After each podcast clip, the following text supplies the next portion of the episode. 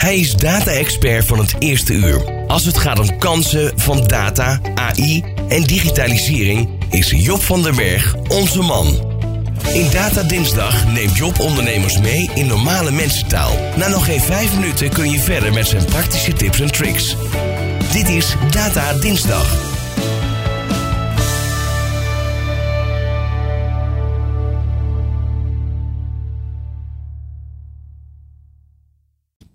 Ja, want het is natuurlijk een droom van iedere ondernemer. Je vindt een behoefte in de markt waar nog geen oplossing voor is. Een sweet spot. Je werkt het idee uit, investeert en bam, het wordt een succes. Niet iedereen lukt het. Onze co-host Ron Simpson boekt indrukwekkende resultaten met niet één, maar meerdere succesvolle bedrijven tegelijkertijd. Ik ben benieuwd of data en AI hebben geholpen bij het bepalen van de juiste strategie. Of algemeen gezegd, hoe kunnen data en AI ondernemers helpen om een gat in de markt te vinden? Die ene oplossing voor een behoefte in de markt die nog niet wordt vervuld. Want als we het hebben over data en AI, gaat vaak de associatie naar voorspelmodellen. Maar data en AI kunnen je ook inzetten om voor jou op ontdekkingstocht te gaan, te verkennen wat er mogelijk is. In vaktermen noemen we dat unsupervised learning. Simpel gezegd, je gooit een dataset in en AI vindt terugkerende trends en patronen. En vaak is die gevonden trend of patroon een teken dat er mogelijk een businesskans ligt. Ik kom graag met een aantal voorbeelden. Hoe je data en AI kunt inzetten om een gat in de markt te vinden. Misschien helpt het jou wel verder. Allereerst, ja, op het web vind je hele waardevolle informatie. Alleen al het ontelbaar aantal reviews op sociale media kunnen je helpen om die ene gat in de markt te vinden. AI kan al deze online reviews voor jou gericht analyseren. Bijvoorbeeld om het sentiment van consumenten over specifieke producten of diensten te begrijpen. Consumenten zijn doorgaans heel eerlijk in hun reviews. Even een voorbeeld. Stel, stel er is een bedrijf dat zich richt op gezonde voeding. En deze producten verkoopt via een online winkel. Het bedrijf gebruikt AI om sociale media en online reviews te analyseren om het sentiment van consumenten over gezonde voeding te begrijpen. Na analyse van de data ontdekt het bedrijf dat veel consumenten op zoek zijn naar gezonde en gemakkelijk tussendoortjes, maar ze vinden dat er weinig opties beschikbaar zijn die zowel gezond als ook smaakvol zijn. Op basis van deze bevinding besluit het bedrijf om zich te richten op de productie en verkoop van gezonde tussendoortjes. Een ander voorbeeld, ja, in plaats van teksten zou je ook foto's kunnen analyseren op het web om een gat in de markt te vinden. Ja, dit doe je dan vaak met deep learning. En deep learning zijn eigenlijk AI-modellen die gespecialiseerd zijn in het analyseren van beelden. Stel weer een voorbeeld: er is een bedrijf dat fotoanalyse software ontwikkelt. Het bedrijf gebruikt deep learning algoritmen om foto's automatisch te categoriseren en te taggen, zoals bijvoorbeeld gezichten, locaties, objecten en emoties. Na analyse van de data ontdekt het bedrijf dat er groeiende trend is van consumenten die familie- en groepsfoto's maken. En op basis van deze bevinding besluit het bedrijf om zich te richten op de ontwikkeling van een fotografie-app, waarmee consumenten eenvoudig groepsfoto's kunnen maken, bewerken en delen. Een gat in de markt. Een laatste toepassing: patroonherkenning. AI-modellen kunnen ook grote hoeveelheden harde data analyseren om patronen te identificeren, die dan weer kunnen helpen bij het vinden van gaten in de markt. Dus geen foto's of tekst, maar bijvoorbeeld salesdata. Weer een voorbeeld: je hebt data over de verkoop van producten en diensten in supermarkten. En je gebruikt AI om deze data te analyseren om patronen te identificeren in verkoop en consumentengedrag. Na analyse van de data ontdek je dat er een groeiende trend is van bijvoorbeeld consumenten die op zoek zijn naar duurzame producten en diensten. Op basis van deze bevinding besluit het bedrijf om zich te richten op de productie en verkoop van duurzame producten. De data vertellen immers dat hier groeiende behoefte naar is. Dus ben je op zoek naar een gat in de markt? Data en AI kunnen je dus zeker verder helpen en jouw idee valideren. Het zijn middelen om informatie te verzamelen die anderen niet hebben. En dat leidt tot een voorsprong in kennis. En als je een kennisvoorsprong hebt, kan een business idee snel geboren zijn. Succes! Dankjewel Job van den Berg van Bluefield Agency. En ik weet, Ron, dat jij ook uh, gefascineerd bent door alle mogelijkheden rondom data, kunstmatige mm. intelligentie bij al je bedrijven. Zeker. Hoe, uh, uh, hoe ben jij ermee aan het experimenteren geweest nou, en waar zie je het heen gaan? Um, Eén ding dat ik vooral heel erg belangrijk vind is gewoon aangelegde intelligentie, ook AI. daar begint het gewoon. En ik denk dat, dat de voorbeelden, dankjewel, um, waren interessant. Ik zou graag een, een wat scherper of diepere versie willen zien. Want bij ons pikken we dit soort dingen wel op. Of dat men duurzamer wil of een gezonde snack of whatever. Dat zijn dan de vernieuwingen. En ik denk dat dat als mens nog wel redelijk makkelijk op te pakken is. Maar dat je daarna AI en data inzet van oké, die echte verdieping, wat willen ze dan echt? En dan tijd scheelt met, weet ik veel, het lezen van 20.000 reviews.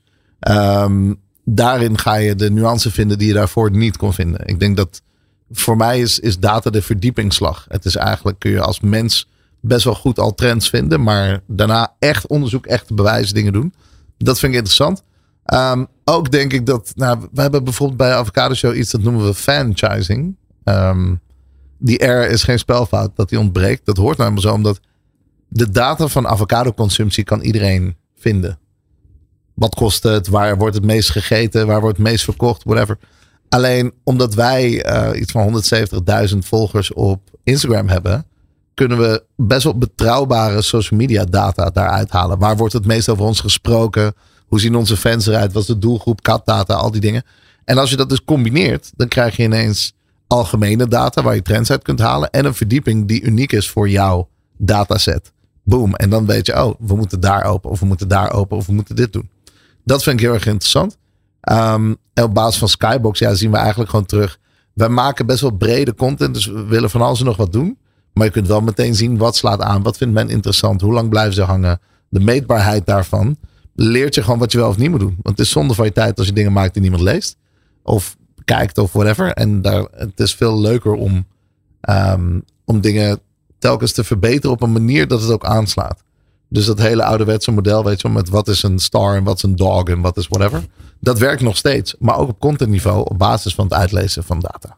En heb je ook wel eens data in AI gebruikt zeg maar, helemaal om een heel nieuw idee te, te, vinden? Want dat voorbeeld wat je net noemde was natuurlijk ook om inderdaad te verbeteren, te optimaliseren. Maar heb je ook hmm. helemaal het beginstadium van, zeg maar, van de innovatiefunnel voorbeelden van data en AI nee, ik, ik ben daar veel te creatief voor. Met alle respect. Um, ik, ik heb dat niet nodig. Maar ik denk wel dat het een super goede tool is.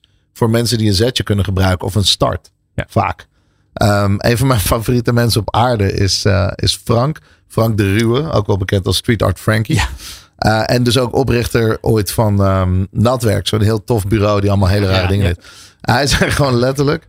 Voor hem is het, is het met je met je armen uit elkaar, wijzend naar links en rechts. Een supermarkt inlopen, drie rondjes draaien en dan stoppen. En zo heeft hij ooit, en die twee dingen dan combineren. Zo heeft hij ooit baconhagelslag gemaakt. Um, dus letterlijk bacon, maar dan in de vorm van hagelslag. Dus je krijgt gewoon een pak waar je het uit strooit, zeg maar. Um, omdat dat zijn dan de ouderwetse tools van creativiteit of zo. Om rare combinaties te vinden dat soort dingen snap ik dat niet iedereen dat doet. Maar ik vind het wel leuk dat AI daar 20.000 variaties op kan verzinnen. Misschien zou we het iets vaker moeten doen weer met z'n allen. Ja, 100% man. Ik vind het echt superleuk. Ja. Ook, uh, wat, hoe denk je dat, dat het gaat helpen om de productiviteit van iedereen te, te, een enorme boost te geven? Want we hebben natuurlijk de ontwikkeling rondom ChatGPT gezien recentelijk. Mm. Uh, ik zag gisteren een hele grappige post, vond ik zelf, van ChatGPT die zelf aangeeft welke, bedrijf, welke banen er in de nabije toekomst volgens het algoritme op de tocht staan. en waarom. En met welke kans die je inschat. Nou, vond ik ook weer een, een, hele leuke. Maar ik denk ook dat het heel veel creativiteit een boost kan geven, inderdaad. Zeker. Omdat je, um, uh, ik ben nu een beetje met, met, met Midjourney, zo'n image generation systeem aan het spelen. Ja, je geeft een paar, paar rare kreten. En wat eruit komt is echt, echt soms fascinerend. Dan denk je, oh ja, je, moet, je, je kunt er wat mee. Ja, er zijn twee dingen die ik super interessant vind aan dit soort AI. Ehm, de eerste is uh, het inzicht dat het geen banen weghaalt bij slimme mensen, maar domme taken weghaalt. Um, dat is het allerbelangrijkste. Saaie, repetitieve taken die we prima kwijt kunnen. Dat is, weet je, misschien vervallen er dan banen, maar er komen er weer nieuw bij. Dus dat is fijn. En het andere wat ik heel erg interessant vind, is um, het gebrek aan ambacht dat je nodig hebt om te kunnen produceren. Uh, heel veel mensen zijn veel creatiever dan ze denken. Of er zit, of ze kunnen muzikaal nadenken. Of ze zouden bij wijze van spreken wel een idee hebben van wat ze willen schilderen. Maar ze hebben nooit geleerd om te schilderen. Al die soort van basis uh, ambachten en technieken eh, die je normaal gesproken aan moet leren, die halen we weg. Dus ineens kan iedereen muziek maken en iedereen kan beeld creëren en iedereen kan een gedicht prompten in dit geval. Um, waardoor we denk ik heel veel onontdekt uh, talent gaan zien. Want ik denk dat er omstandigheden zijn waardoor je dingen niet kunt leren. Of je bent in de verkeerde plek opgegroeid. Of weet ik veel. Um, en nu ineens. Uh, ja, je skipt de middleman. Dus je gaat letterlijk van idee iets in je hoofd naar een eindproduct. En daartussenin hoef jij niet zoveel te kunnen. Dat gaat echt voor een onthulling voor. eh, hoe moet ik dat eigenlijk? Een onthulling veroorzaken die we nog nooit hebben gezien. Ja, op dit Op moment, een niveau dat je nog nooit.